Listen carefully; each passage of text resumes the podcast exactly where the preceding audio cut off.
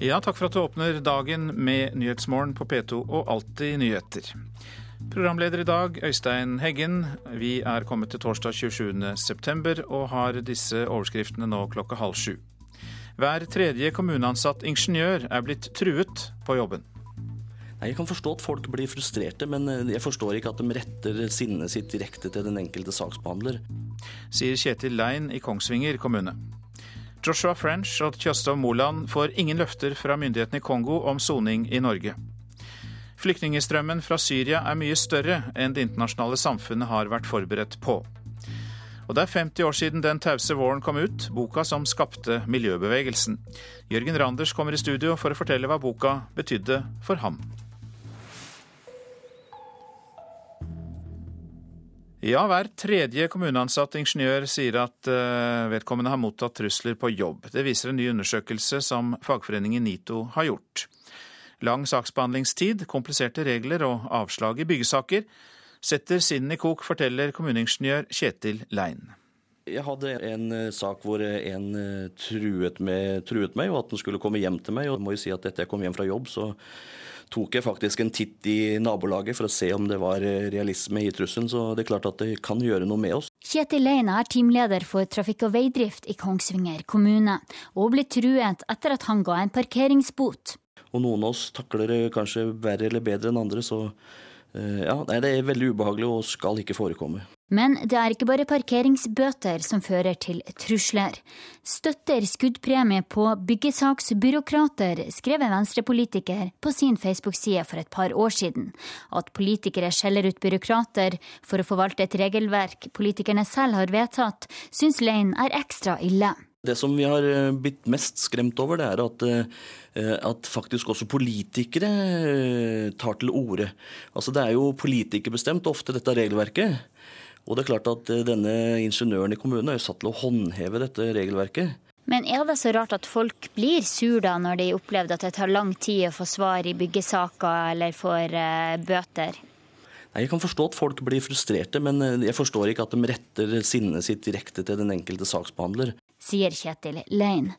Det er Norges ingeniør- og teknologorganisasjon NITO som står bak undersøkelsen. Juridisk sjef Erlend Aarsand ble overraska over at så mange som én av tre opplever å bli trua. Kommuneingeniørene er nøkterne, og dette er alvorlig. Det er vanskelig å finne ingeniører til å jobbe i kommunene, og det blir neppe enklere når såpass mange blir trua. I Kongsvinger anmeldes trusler, og det mener Aarsand i NITO også andre kommuner bør gjøre. Dersom det er snakk om straffbare trusler, så bør det være anmeldelsen. Eller så bør arbeidsgiver registrere dette. Alle former for trusler, eventuelt bytte saksbehandler dersom dette oppleves alvorlig. Ingen skal føle frykt på jobb.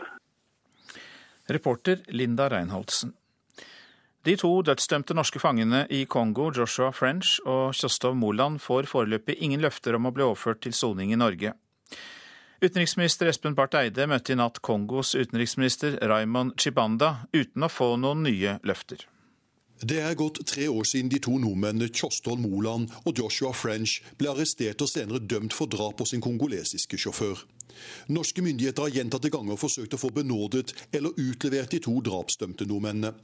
I natt gjorde utenriksminister Espen Barth Eide et nytt forsøk på å få til en utleveringsavtale med utenriksministeren i Kongo.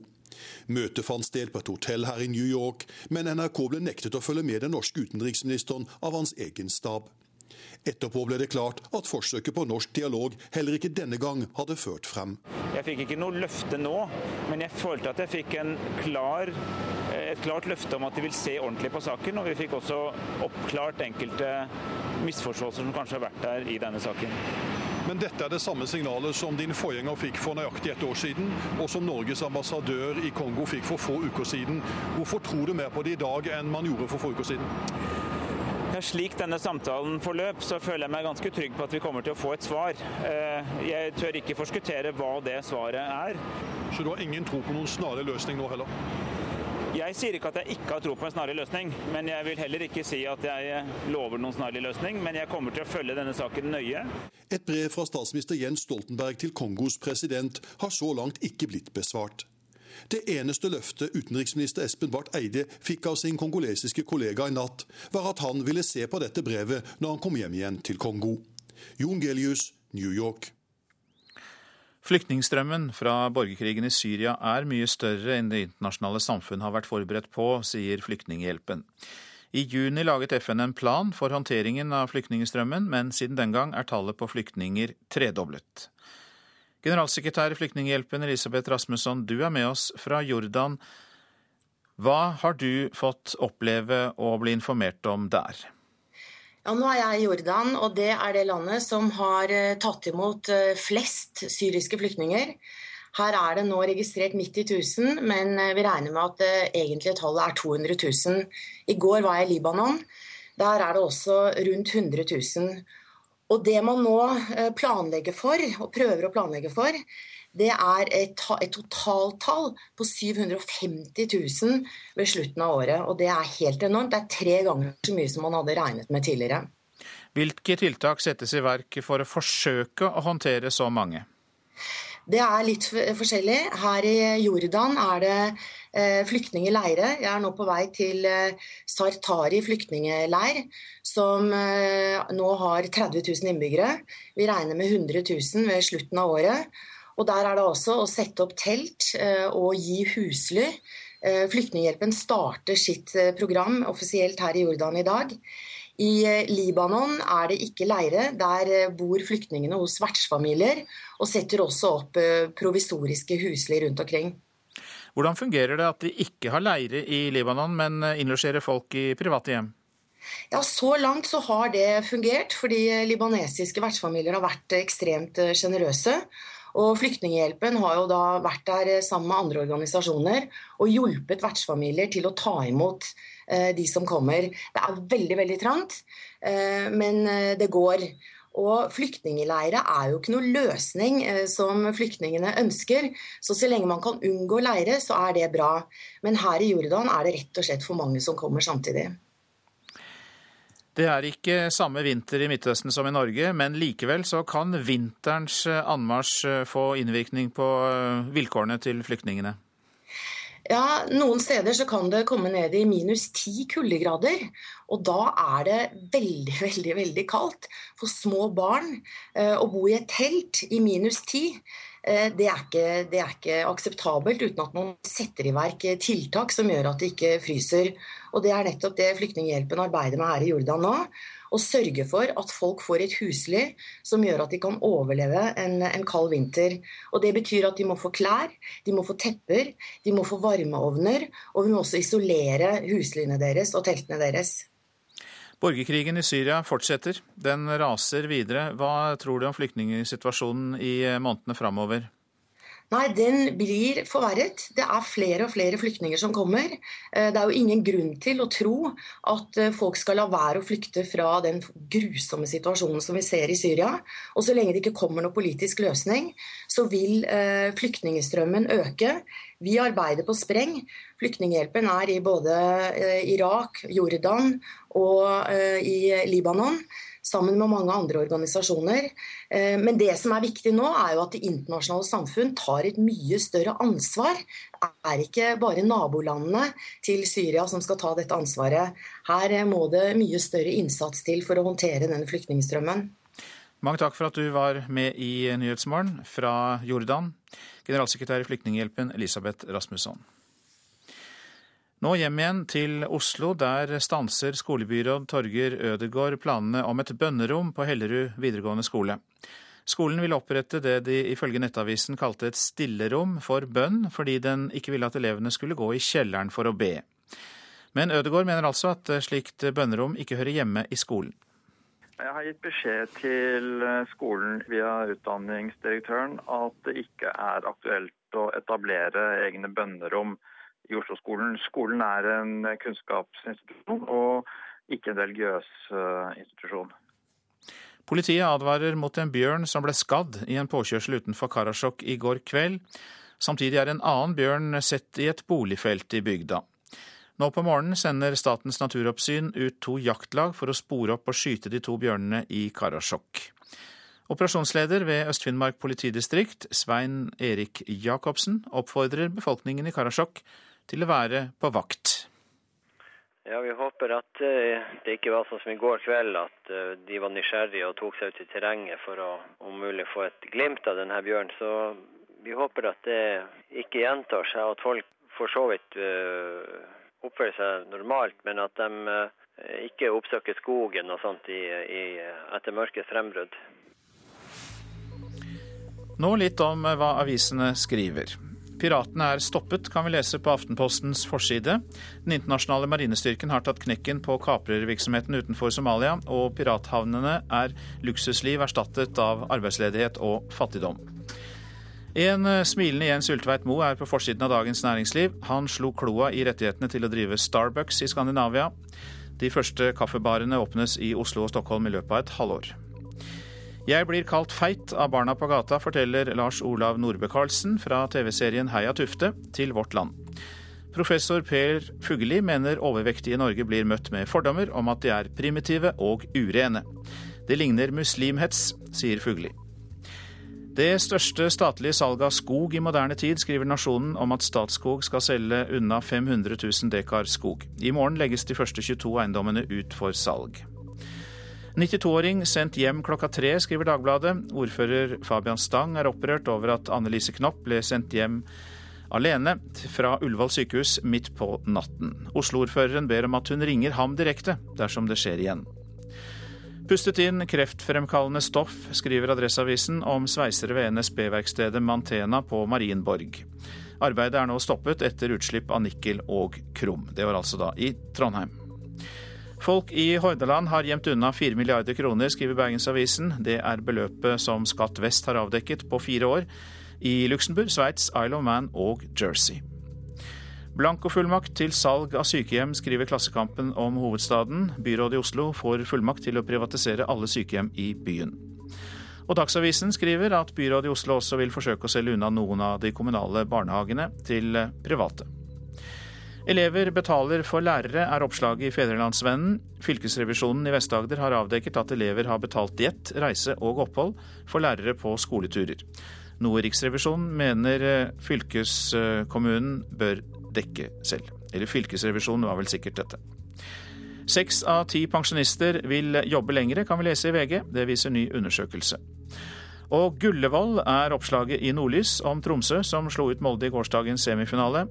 Tromsø i cupfinale på Ullevål er den perfekte avskjed med trener Per-Mathias Høgmo, skriver avisa.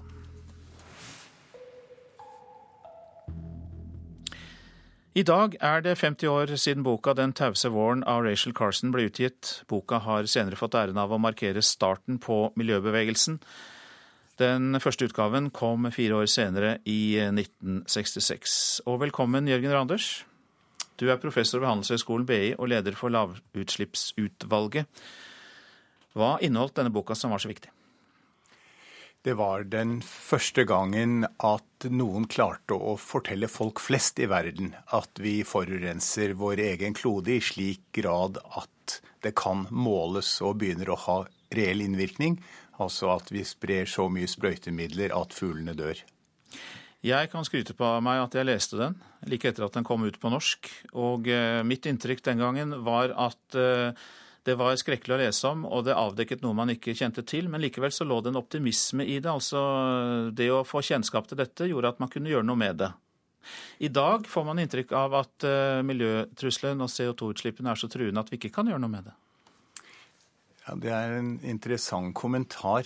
Eh, det er klart at første gangen eh, man gjør noen oppmerksom på et problem, så forventer man jo at de skal løse det. Vi gjorde det samme i vår Limits to Growth som kom i 1972, hvor vi sa at eh, økonomisk vekst er et problem i det lange løp. Og vi venter at noen skulle gjøre noe med det også. Og nå er vi henholdsvis 50 og 40 år senere, og som du sier, så virker det som folk har vent seg til truslene, og er ikke lenger så interessert i å støtte politikere som ønsker å gjøre noe med det. Og vi ser det jo aller best på klimasiden i Norge, hvor Lavutslippsutvalget la frem en grei plan for seks år siden, og veldig lite er gjort.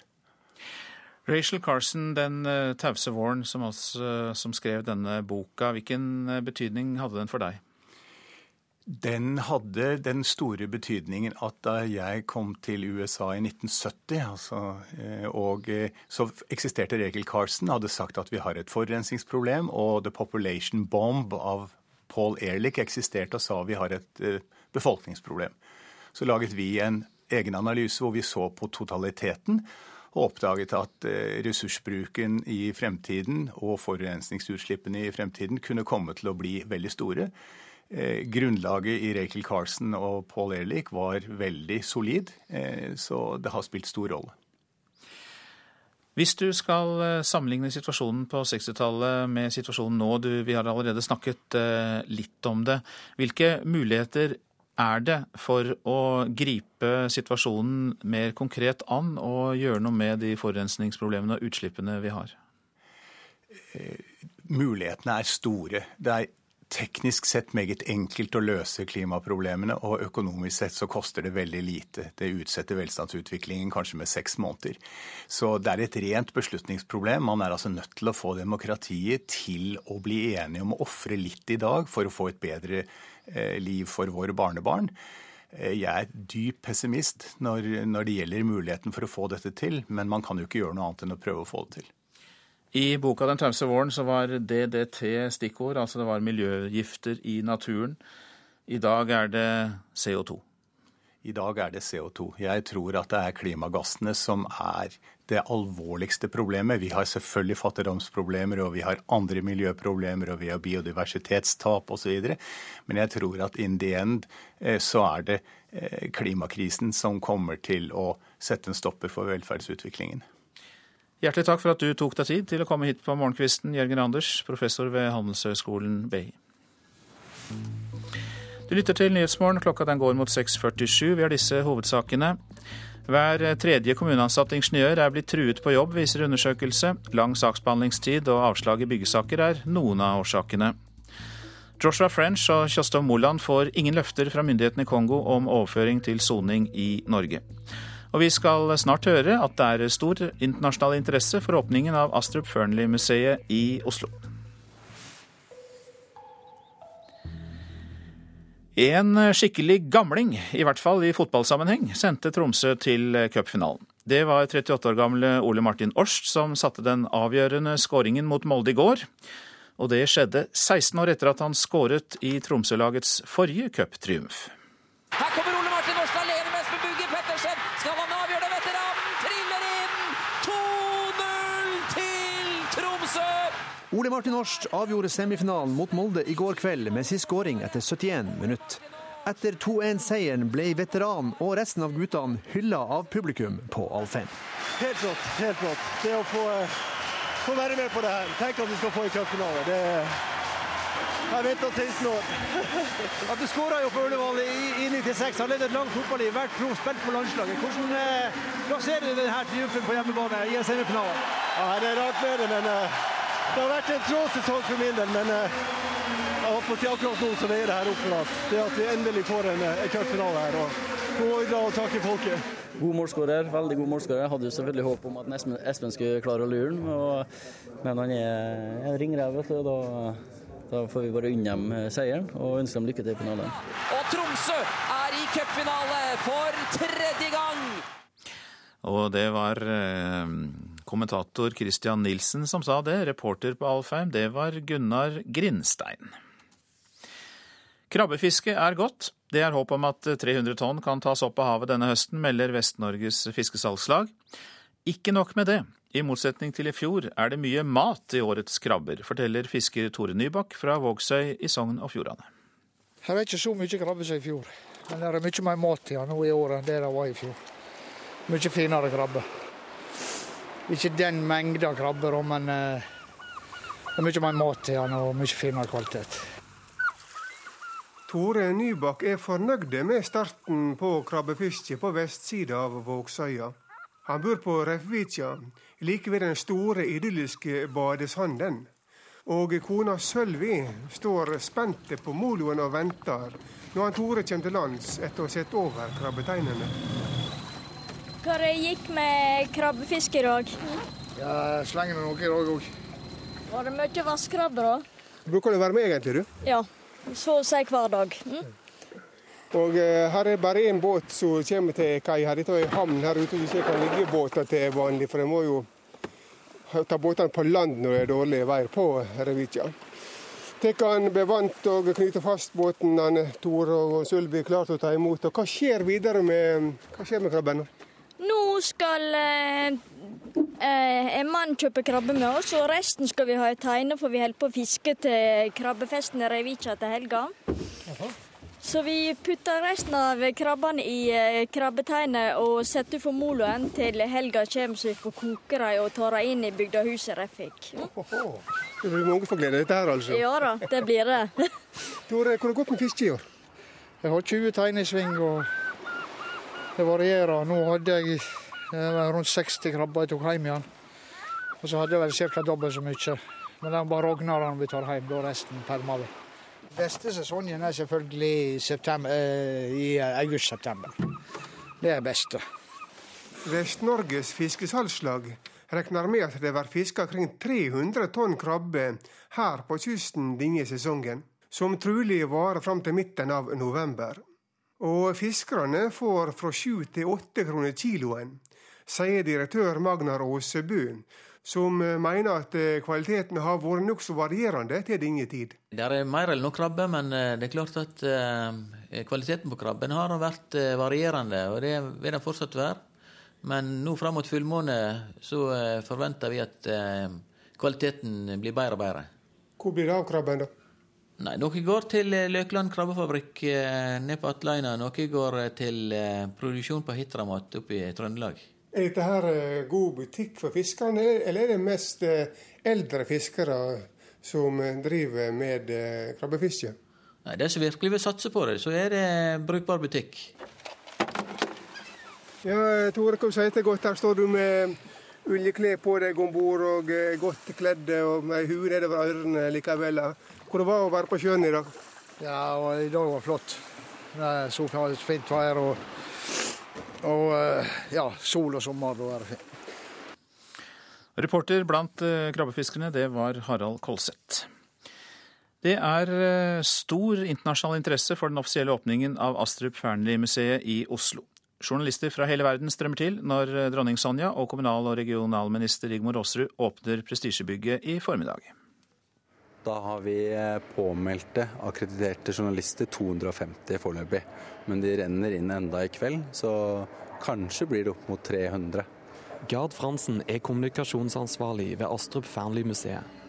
Han er ikke overraskende godt fornøyd med den store internasjonale oppmerksomheten rundt den offisielle åpningen av museet i dag. De kommer fra nesten hele verden, spesielt selvfølgelig fra Europa, men det er også over i USA. Det mest eksotiske vi har, er Sri Lanka.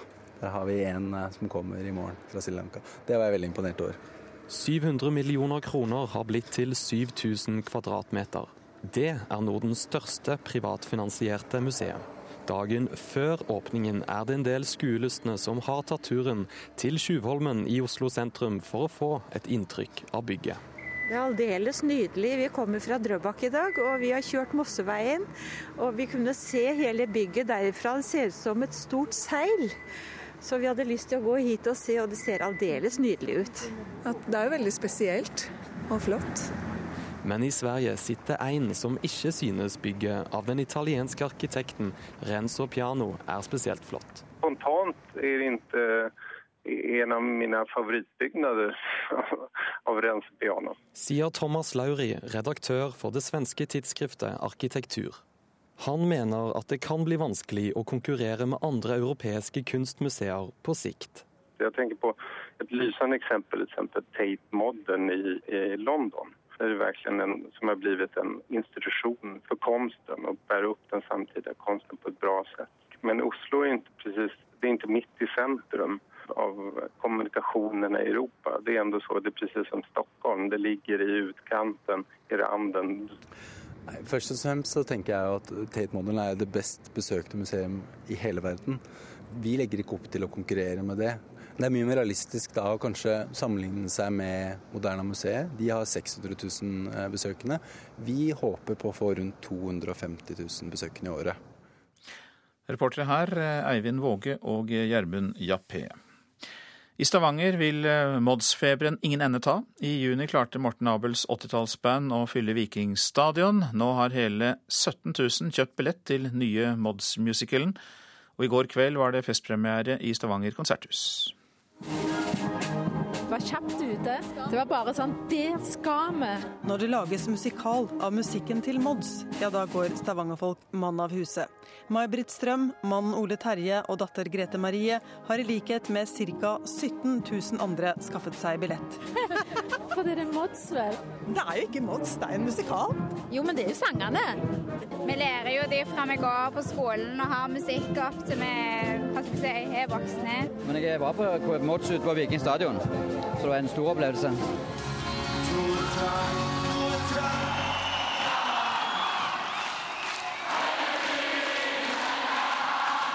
I juni spilte Morten Abel og resten av Mods gjenforeningskonsert for 25 000 yre siddiser på Viking stadion. Og nå kommer altså musikalen 'Revansj', som var navnet på ett av de to albumene som bandet ga ut tidlig på 80-tallet. Den røde løperen var rulla ut til urpremieren i går kveld, og bandet var selvsagt på plass med Morten Abel i spissen. Ja, Gleder du deg til kveld, Morten? Ja, jeg gleder meg kjempemye til kveld. Jeg var lurhørte litt og så litt på prøven i går, og jeg så veldig godt i natt. Litt sånn rocka tilsnitt på det, altså. Litt good guys og bad guys. Til musikalpremieren kom også Mods-keyboardist Helge Hummervoll. Tror du de er like gode som dere? Nei. Men det, det, det, de er helt sikkert veldig flinke, de òg. Du er mislykka, du.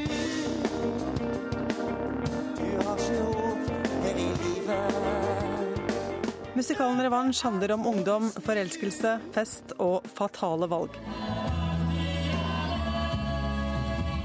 Kombinasjonen Mods-musikk, 80-tallskoloritt generelt og Stavanger-historie spesielt er uslåelig på premierekvelden.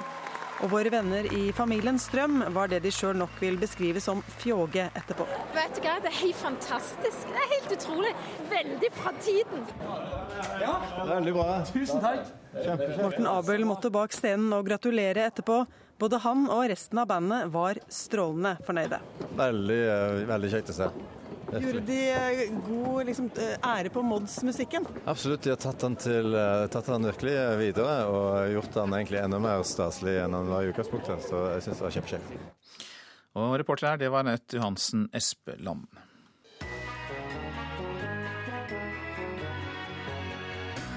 Det stormer stadig rundt eh, Mohammed, verdens nest største religionsprofet.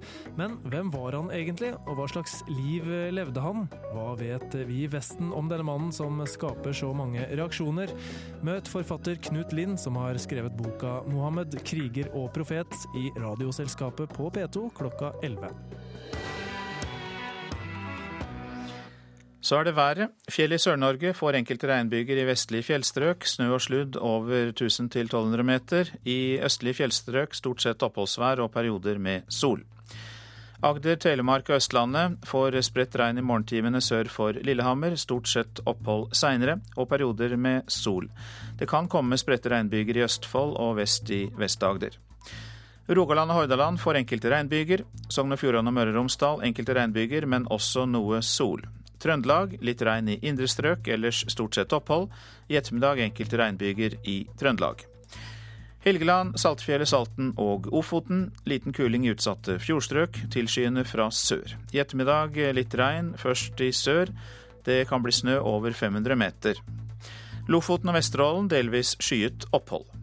Troms stort sett oppholdsvær, fra i ettermiddag tilskyende. Kyst- og fjordstrøkene i Vest-Finnmark. Enkelte regnbyger på kysten, ellers opphold. I ettermiddag pent vær, tilskyende igjen i kveld.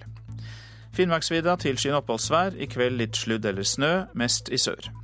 Øst-Finnmark oppholdsvær, i kveld muligheter for litt snø i sør. Spitsbergen får liten kuling ut Hinloppstredet. Litt snø i nord, sør for Isfjorden for det meste pent. Noe mer skyet i vest. Temperaturene målt klokka fem. Svalbard minus fem. Kirkenes og Vardø pluss tre. Alta og Tromsø pluss to. Bodø åtte. Brønnøysund ni. Trondheim fire. Molde åtte. Bergen og Stavanger ni. Det hadde også Kristiansand ni. Gardermoen sju. Lillehammer seks. Røros fire. Oslo-Blindern hadde åtte grader da klokka var fem i natt.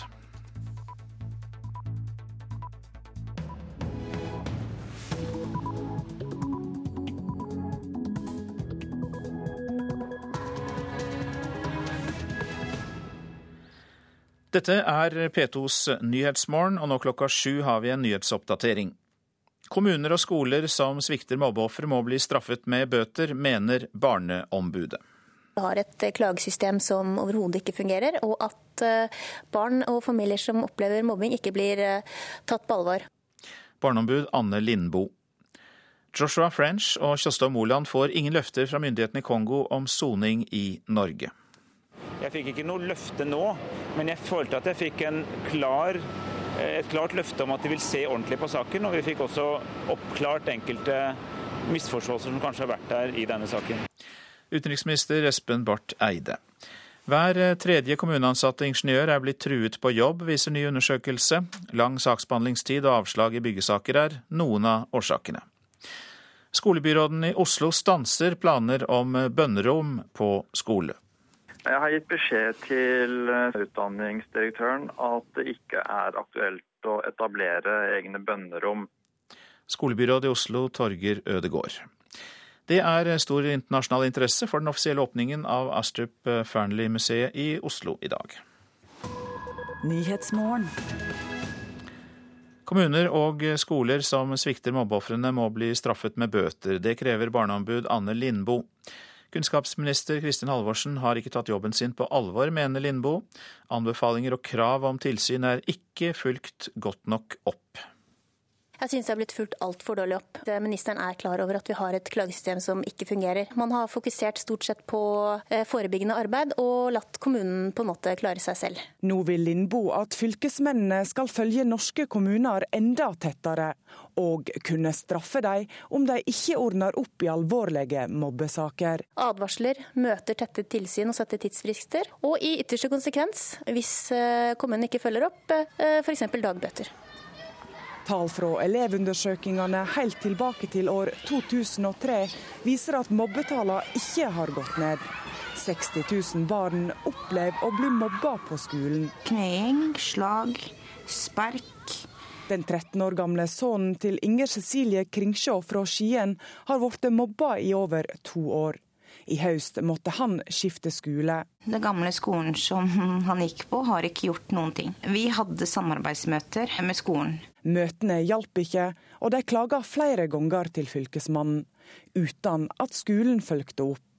Hun mener bøter er rette veien å gå. Det systemet det fungerer jo ikke. Eh, det hjelper jo ikke folk. Fylkesmannen kan jo ikke gripe inn. Inger Cecilie Kringsjå og familien har valgt å melde skolen sønnen har gikk på, til politiet. Familien bor nå i Spania, men tida ved skolen i Skien har sett sine spor. Det har vært en kamp eh, for å få ham på skolen. Han er livredd eh, for at det samme skal følge ham der nede som det det har gjort her hjemme i Norge. Tore Sveum i organisasjonen Stopp mobbingen hjelper mange fortvila familier i hele landet. Han støtter Barneombudet. Vi er positive til at Fylkesmannen skal få flere maktmidler.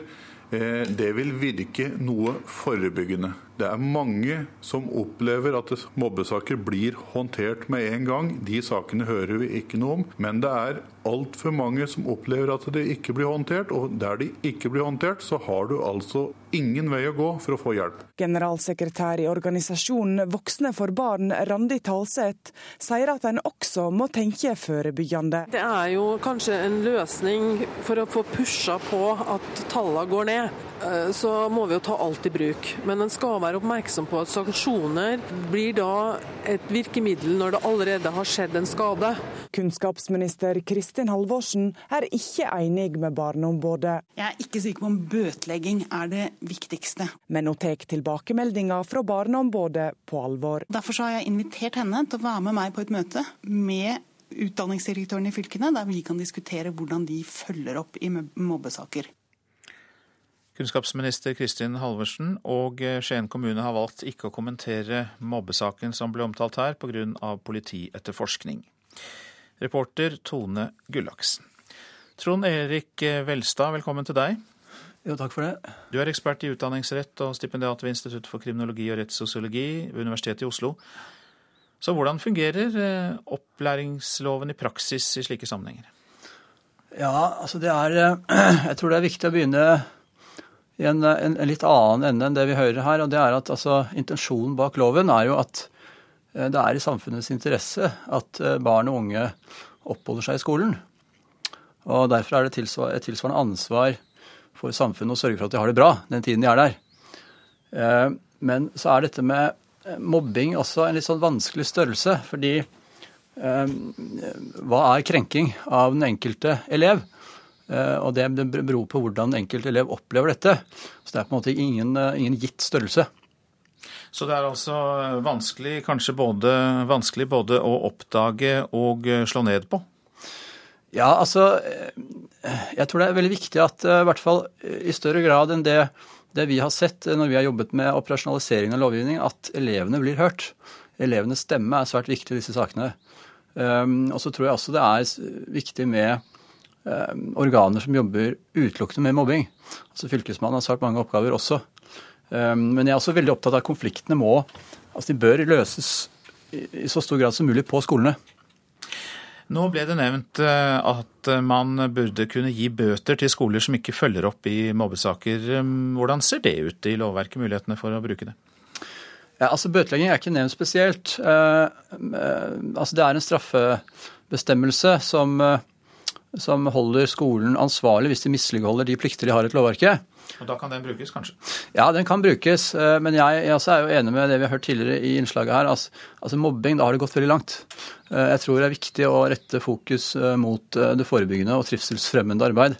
Og, og sette inn innsatsen der.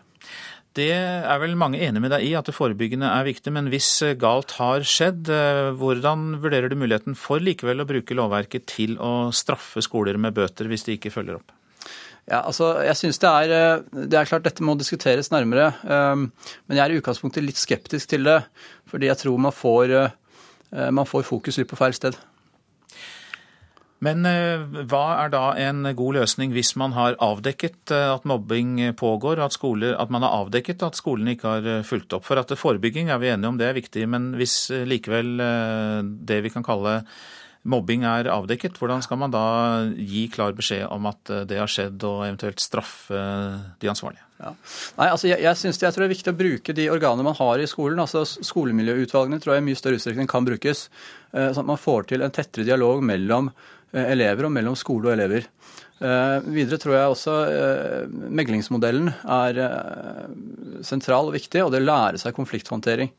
Det fremstår som meg som veldig sentralt. Det er for deg viktigere enn eh, å sette inn bøter? Ja, det er det.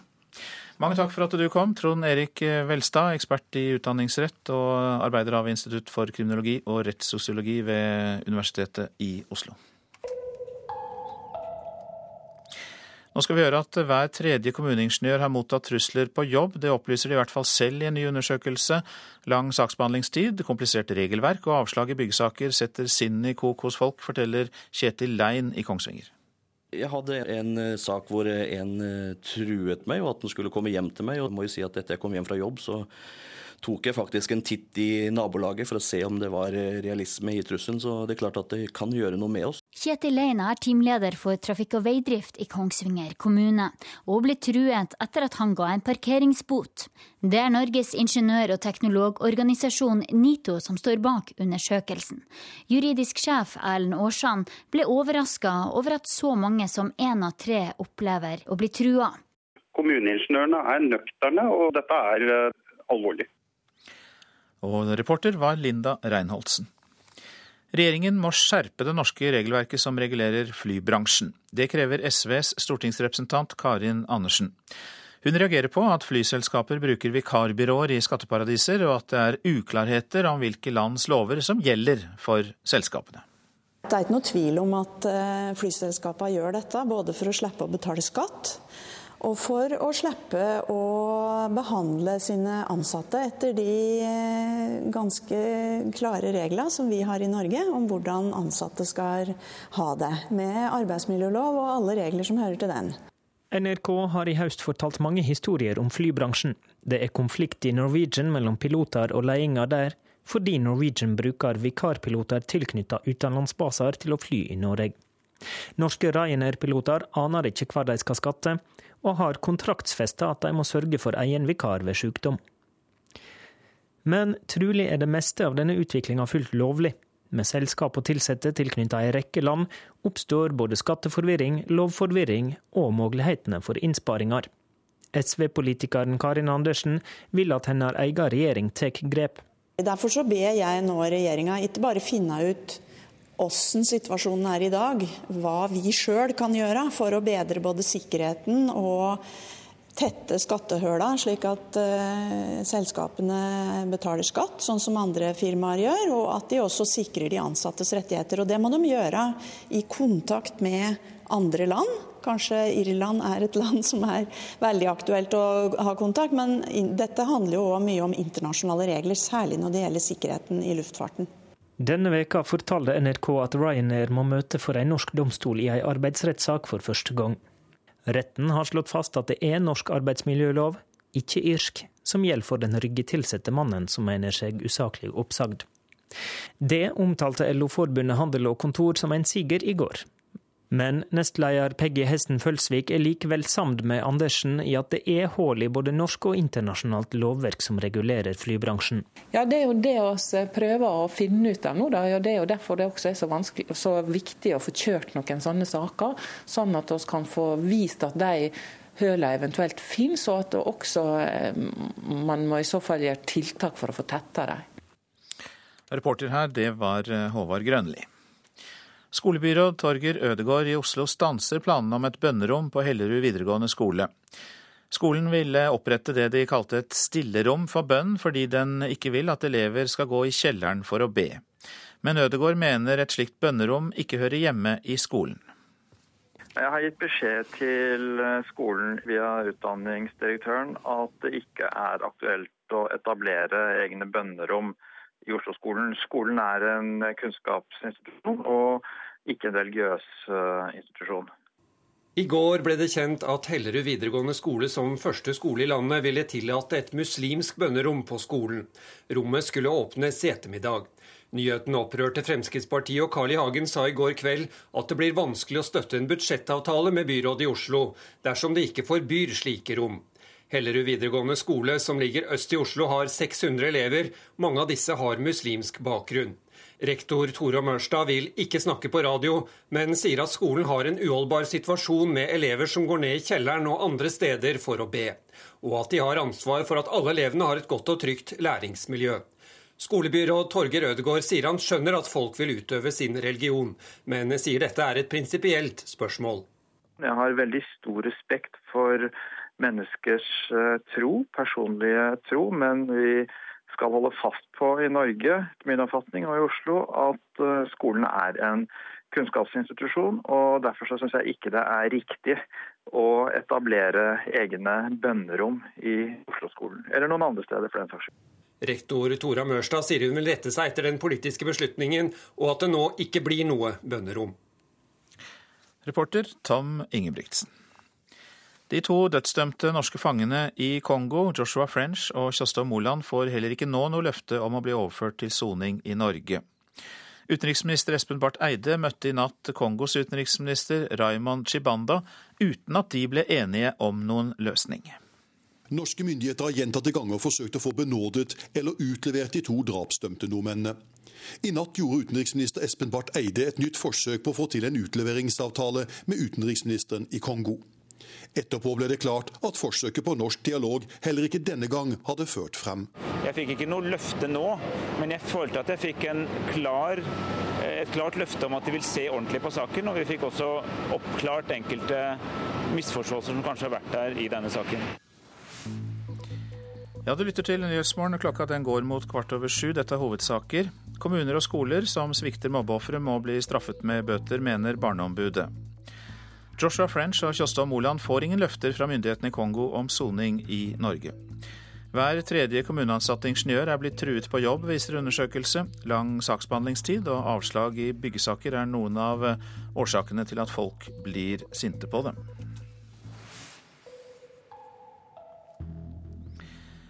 Verdensbankens nye toppsjef eh, Jim Yong Kim roser Norges sjenerøse bistand til andre land. Toppsjefen møtte statsminister Jens Stoltenberg i New York i går kveld. Bakgrunnen for møtet var den dystre utviklingen i verdensøkonomien.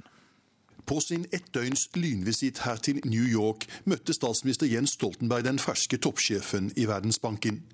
Jim Yong Kim ble med støtte fra president Obama utnevnt til den tolvte toppsjefen for Verdensbanken i sommer. Den erfarne økonomen mener Norge fortjener ros for sin rolle til å bidra til verdenssamfunnets beste. So the one thing I want to say to the Norwegian people is thank you. Uh, they are the most generous people uh, in in all the world in terms of the percentage of gross national income that they, uh,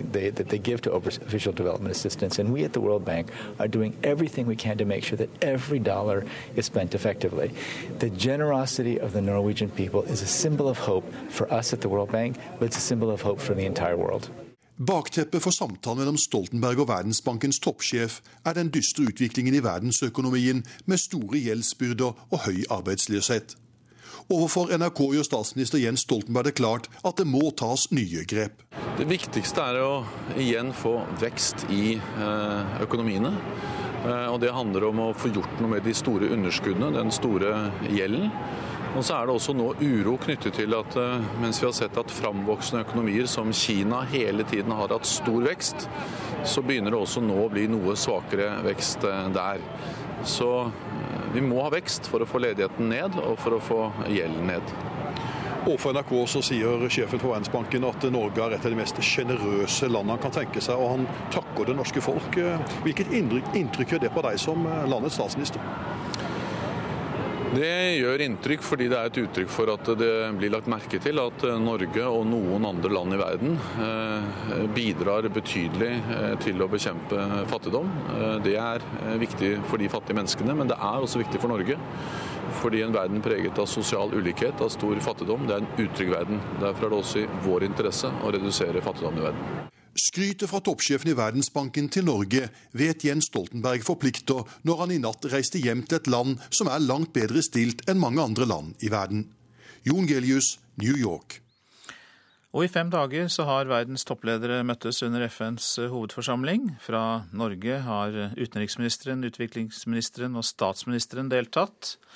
Bl.a. i giverlandsgruppen for palestinerne, i møter om kunst- og kulturarbeid, fredsbygging, miljø og barn- og mødrehelse. Intet mindre. Kristian Berg Harpeviken, du er direktør ved Institutt for fredsforskning, PRIO. Topplederne er der for å se og bli sett, sikkert også for å knytte kontakter. Men eh, kommer det noe ut av det? Ja, Dette er jo det spørsmålet alle stiller når det gjelder FN. Dette ser jo lett ut som en enorm eh, prateklubb med lite handling. Men eh, det viktige spørsmålet å stille når det gjelder FN, er vel hva ville vært alternativet? Og stiller man det spørsmålet på et globalt nivå, så er det lett å se for seg en verden uten noen forum der alle statsledere snakker sammen, uten noen forum som ivaretar en internasjonal rettsorden. Så situasjonen uten FN, den er jo ikke veldig lystelig. Kanskje er det et vanskelig spørsmål. Eh, vet du noen eksempler på gjennombrudd i saker som har skjedd under hovedforsamlingens seanser? Ja, Det er et vanskelig spørsmål, fordi at uh, disse prosessene er ofte langdryge. Og det er vel ikke først og fremst i generalforsamlingen at de store gjennombruddene skjer. Mm. Men, men, generalforsamlingen er likevel viktig, fordi at det er det stedet der alle statene har uh, talerett.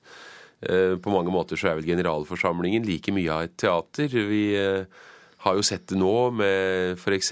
Mohammed Mursi, den egyptiske presidentens eh, opptreden i generalforsamlingen, som det var knyttet enorm spenning til. Ikke fordi at noen trodde det ville bli tatt vedtak der og da i forbindelse med den nye egyptiske presidentens opptreden, men fordi at man var veldig spent på hvordan han ville opptre, hva han ville vektlegge. Og det gjelder jo ikke minst fordi at bakteppet for hans opptreden var den arabiske våren, ja, men også de enorme protestene knyttet til eh, denne filmen som har sirkulert på internett i det siste. Og da du som fredsforsker satt og hørte på det han sa, hvilket inntrykk fikk du?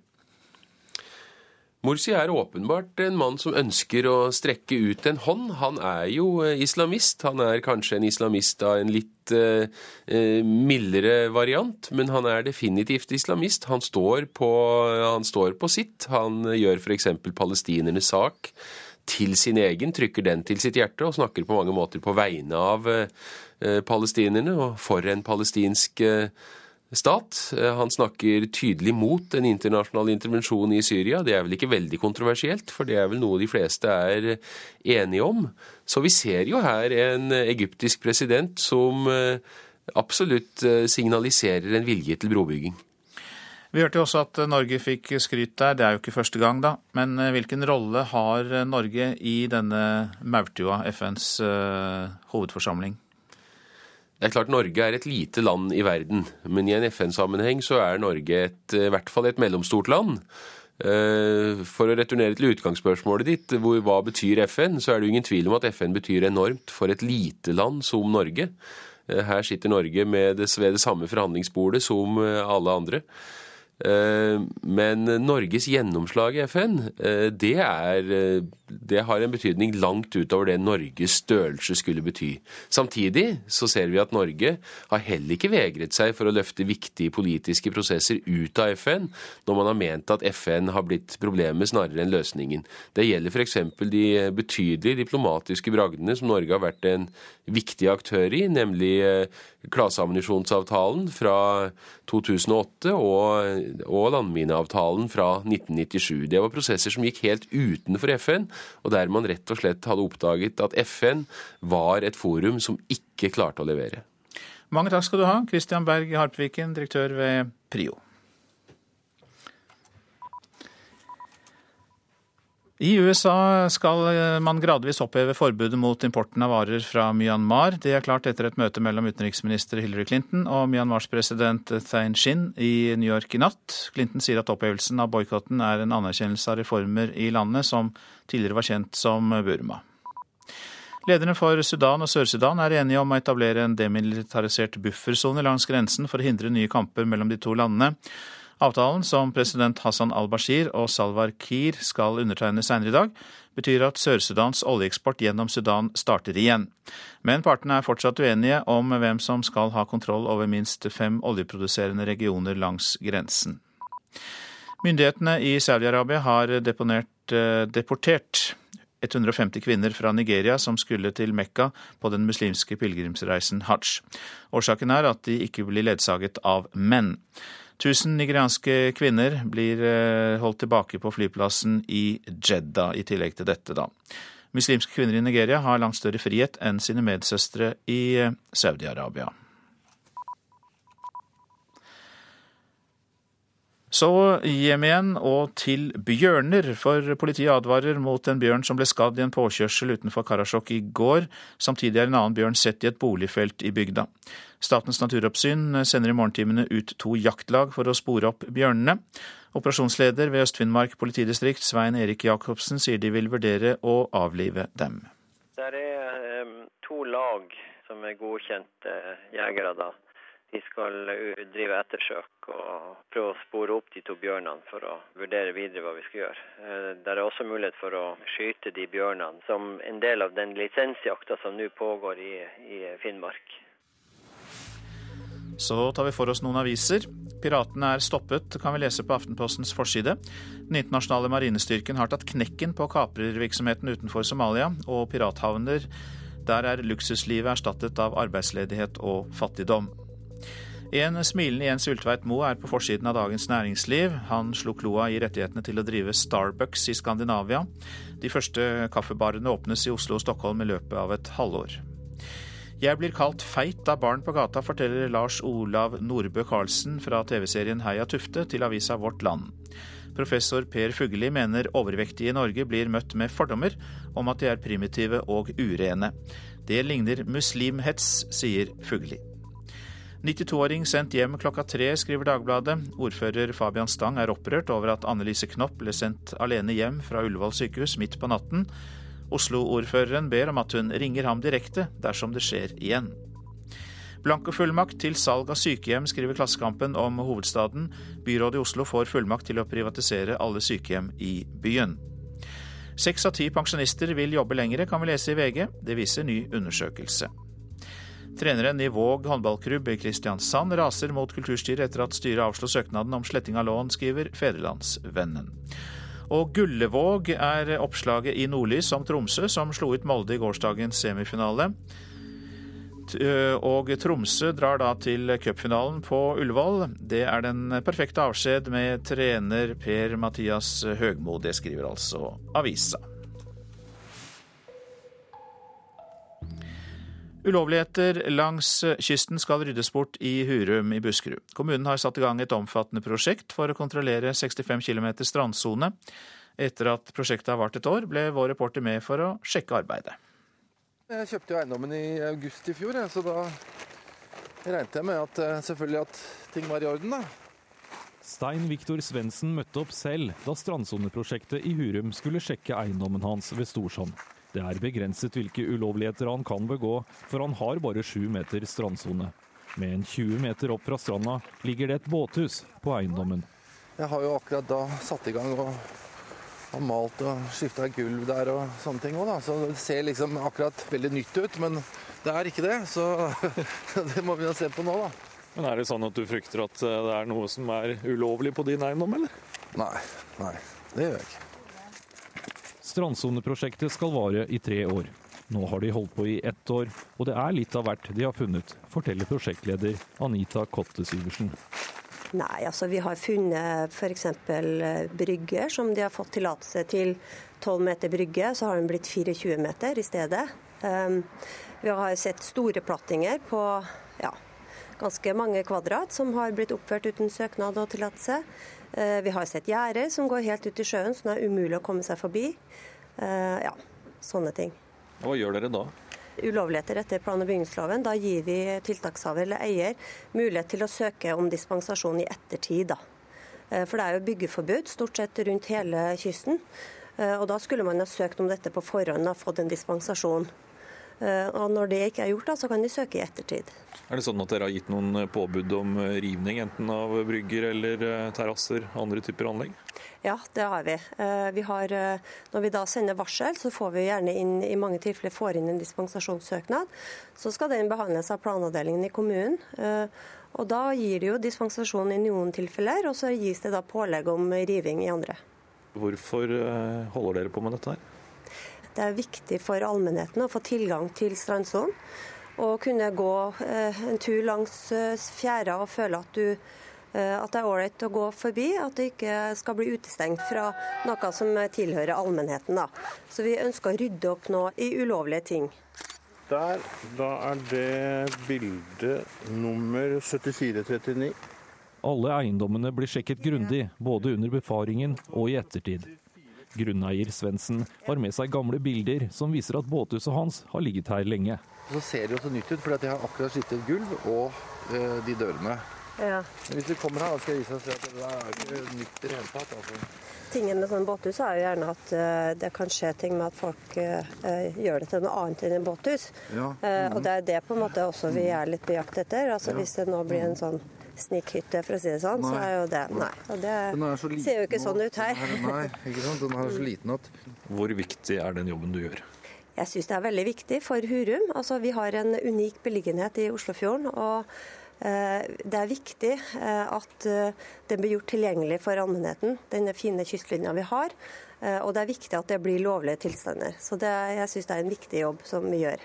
Nei, det så ut som det gikk bra, det. Det, er, det var jo liksom et gammelt hus som, eh, som, de så at det var, og da, da var vi glad resten av dagen og fremover. Det er fint. Ja, det sa grunneier Stein Viktor Svendsen. Du hørte også lederen for strandsoneprosjektet, Anita Kotte Syvertsen. Reporter Knut Brennhagen. Etter Dagsnytt om skrekkregimet i Eritrea. Der kan ingen føle seg trygge. Den tvungne militærtjenesten er på flere år, økonomien har brutt fullstendig sammen. I Politisk kvarter om KrF-nestleder Dagrun Eriksen, som nå er vraket som stortingskandidat av lokallagene i Vest-Agder. Produsent for Nyhetsmorgen, Ulf Tannes Fjell. Her i studio, Øystein Heggen. Nå straks Dagsnytt.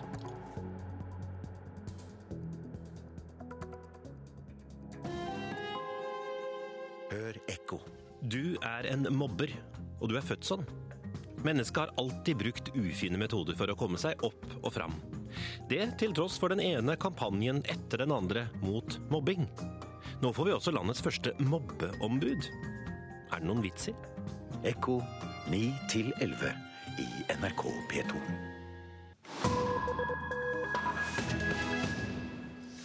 Nyhetsmorgen lytter du til.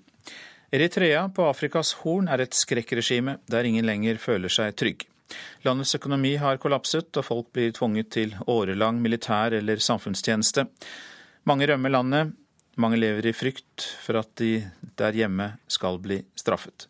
Nina Bull Jørgensen har truffet en av dem som tok seg til Norge. I called my wife. My kids didn't know where I am. Barna mine vet ikke hvor jeg er, de tror jeg fortsatt er i Eritrea på jobbreise. Og når jeg ringer min kone, sier jeg aldri navnet mitt, forteller den unge mannen som nylig kom til Norge etter flere måneder på flukt. Ah, okay, okay. Ikke la noen se mikrofonen, sier han, på vei inn til en tilsynelatende trygg, rødmalt rekkehusleilighet like utenfor Oslo. Ja. Really, I'm very, very afraid to make this interview.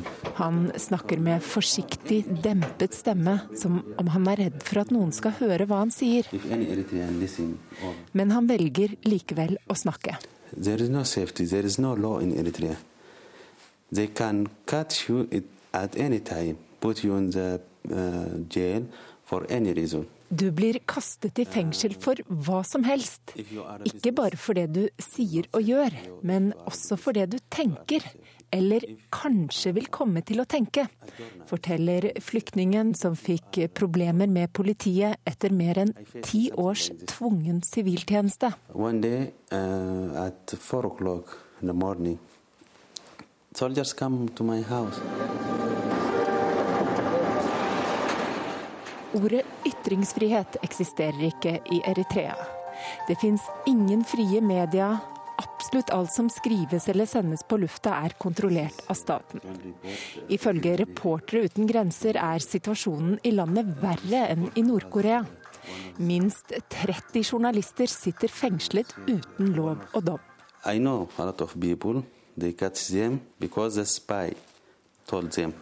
Fengslene er overfylte, sykdommene florerer, de får knapt nok mat, og de fleste blir torturert på grusomste vis. Fire av journalistene skal allerede være døde. Samtidig får eritreerne servert disse bildene på den statlige TV-kanalen Eri TV. Tilsynelatende glade og jublende eritreere hyller sin leder, president Isayas Afwerki.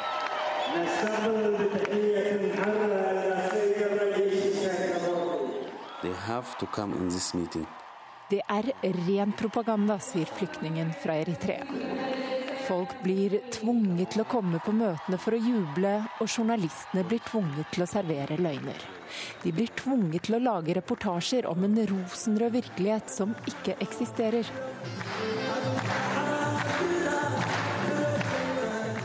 Den virkelige virkeligheten er at folket sulter og lider. Da Eritrea vant sin uavhengighet fra Etiopia i 1991, så mange eritreere lyst på fremtiden. Men etter flere kriger og konflikter med naboland som Jemen, Sudan og Etiopia, er landet nå et av verdens fattigste. I stedet for å sørge for brød til folket, bruker regimet det meste av pengene på Forsvaret. Og på å sponse terroristorganisasjoner som Al Shabaab i Somalia, hevder USA og FN. Dette er eh, P2s Nyhetsmorgen. Vi har disse eh, nyhetsoverskriftene. Kommuner og skoler som svikter mobbeofre må bli straffet med bøter, mener Barneombudet. Joshua French og Tjostov Moland får ingen løfter fra myndighetene i Kongo om soning i Norge. Og skolebyråd Torgeir Ødegaard i Oslo stanser planer om et bønnerom på en eh, videregående skole. KrF i Vest-Agder har vraket nestleder Dagrun Eriksen og i stedet valgt seg en konservativ mann. Det blir tema hos deg i Politisk kvarter, programleder Line Tomter. Vi skal analysere Knut Arild Hareides kvinneproblemer. Bønn i skolen er også tema. Høyres skolebyråd i Oslo stopper bønnerommet som skulle åpnet på Hellerud i dag.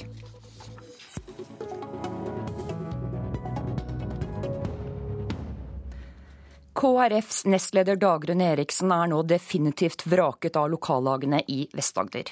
I stedet for en ung kvinne velger sørlendingene seg Hans Fredrik Grøvan, 59 år gammel, kjent for konservative meninger. Politisk redaktør i Fedrelandsvennen Vidar Udjus, hvorfor vil KrF-erne på Sørlandet heller ha en eldre mann enn Dagrun Eriksen? Jeg tror det er to grunner. Det ene er at dette er et politisk valg. Eh, Grøvan er mer konservativ eh, enn Dagrun Pedersen, eh, Dagrun Eriksen. og, og han, han, har profilert en litt annen profil på KrF. Han er klarere i Israel-saken. Han er eksplisitt på han kan tenke seg å regjere med Frp. Og han står mer til det som nå er grasrotas holdninger i KrF i Vest-Agder.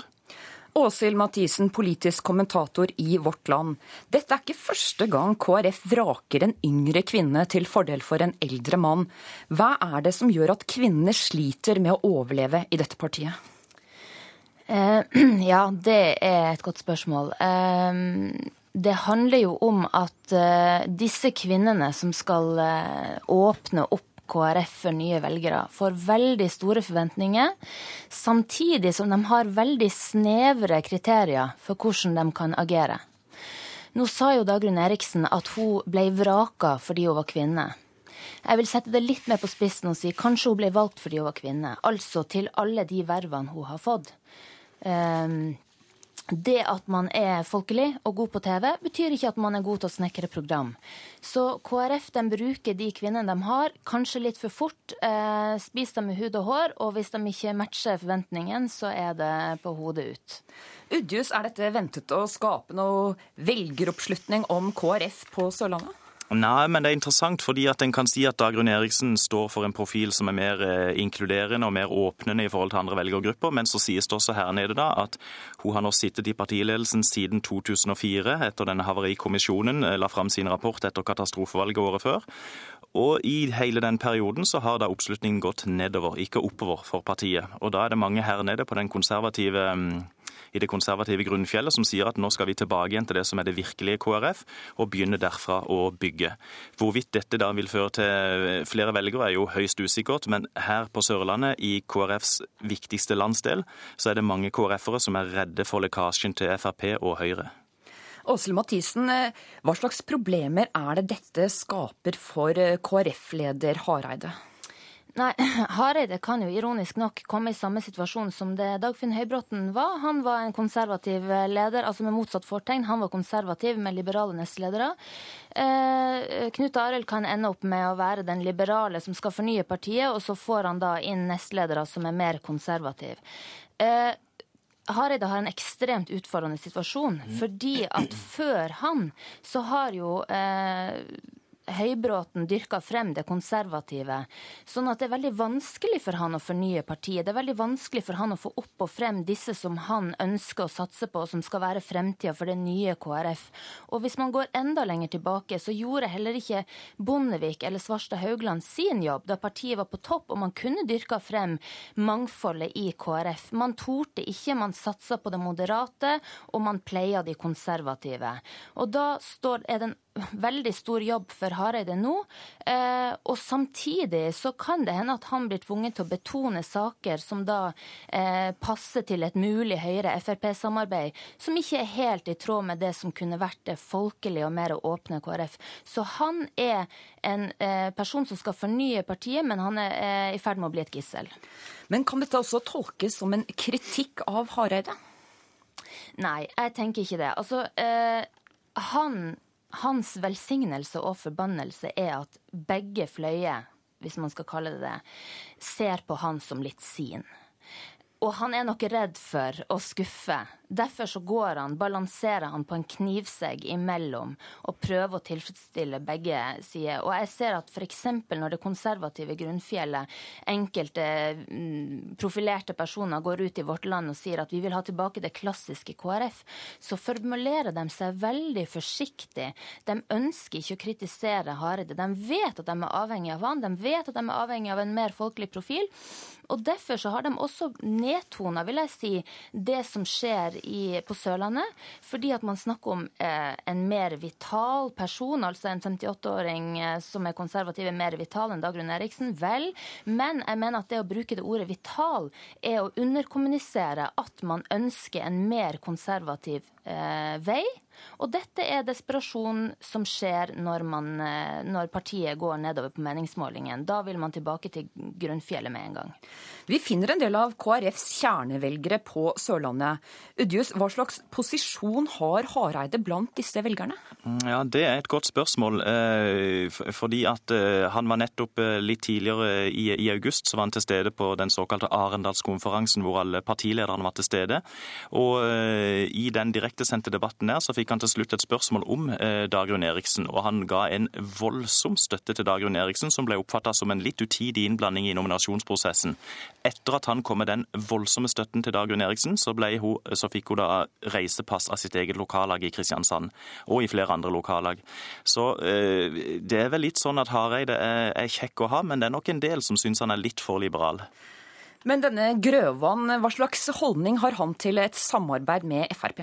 Vi, eh, han står nokså godt i, den, eh, i, det som nå er den rådende oppfatningen her på Sørlandet. Eh, etter, etter siste valg så endra KrF politisk ham på Sørlandet. Både i Arendal og i Kristiansand og i fylkesting i Aust og i fylkesting i Vest-Agder så endra de samarbeidskonstellasjon og gikk i samarbeid med Høyre og Frp. Eh, helt entydig, og flere tillitsvalgte sa også at dette er vårt signal fram mot neste stortingsvalg, når KrF skal velge side, også rikspolitisk. Så hadde vi også denne strategikonferansen, som da endte med noe av det samme resultatet eh, nokså nylig. Og I det bildet passer Grøvan, i det bildet passer ikke Dagrun Eriksen, mener mange sørlands-KrF-ere. Til slutt, Mathisen, hva er det Hareide Hvordan burde han forholde seg til dette? Han må bare fortsette, tror jeg, å, å, bygge opp partiet fra grunnen. Altså pleie å få opp de som han ser som eh, fremtidas eh, KrF. Tusen takk for at dere var med oss, Åshild Mathisen og Vidar Udjus.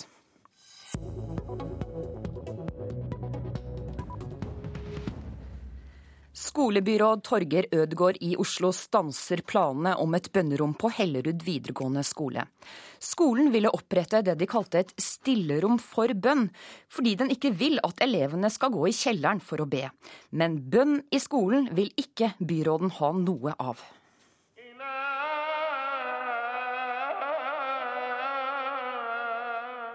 Det kalles inn til bønn i et muslimsk land. Praktiserende muslimer skal helst be flere ganger om dagen, uansett hvor de bor. Men eh, skolebyråd Torger Ødegård mener et slikt bønnerom ikke hører hjemme i den norske skolen. Jeg har gitt beskjed til eh, skolen via utdanningsdirektøren at det ikke er aktuelt å etablere egne bønnerom i Oslo-skolen. Skolen er en kunnskapsinstitusjon og ikke en religiøs eh, institusjon. I går ble det kjent at Hellerud videregående skole som første skole i landet ville tillate et muslimsk bønnerom på skolen. Rommet skulle åpnes i ettermiddag. Hellerud videregående skole, som ligger øst i Oslo, har 600 elever. Mange av disse har muslimsk bakgrunn. Rektor Tore Mørstad vil ikke snakke på radio, men sier at skolen har en uholdbar situasjon med elever som går ned i kjelleren og andre steder for å be, og at de har ansvar for at alle elevene har et godt og trygt læringsmiljø. Skolebyråd Torgeir Ødegaard sier han skjønner at folk vil utøve sin religion, men sier dette er et prinsipielt spørsmål. Jeg har veldig stor respekt for menneskers eh, tro, personlige tro, men vi skal holde fast på i Norge, etter min oppfatning, og i Oslo, at eh, skolen er en kunnskapsinstitusjon. og Derfor så syns jeg ikke det er riktig å etablere egne bønnerom i Oslo-skolen, eller noen andre steder for den saks skyld. Rektor Tora Mørstad sier hun vil rette seg etter den politiske beslutningen, og at det nå ikke blir noe bønnerom.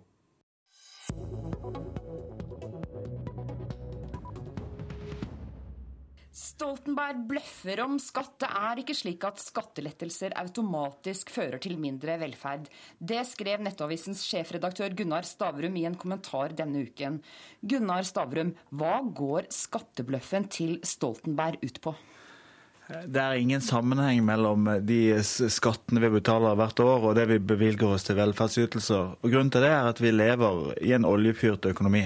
Men etter denne kommentaren om skattebløff, så lot ikke reaksjonene vente på seg på nettsamfunnet Twitter, bl.a. fra deg, Torgeir Micaelsen, finanspolitisk talsmann i Arbeiderpartiet.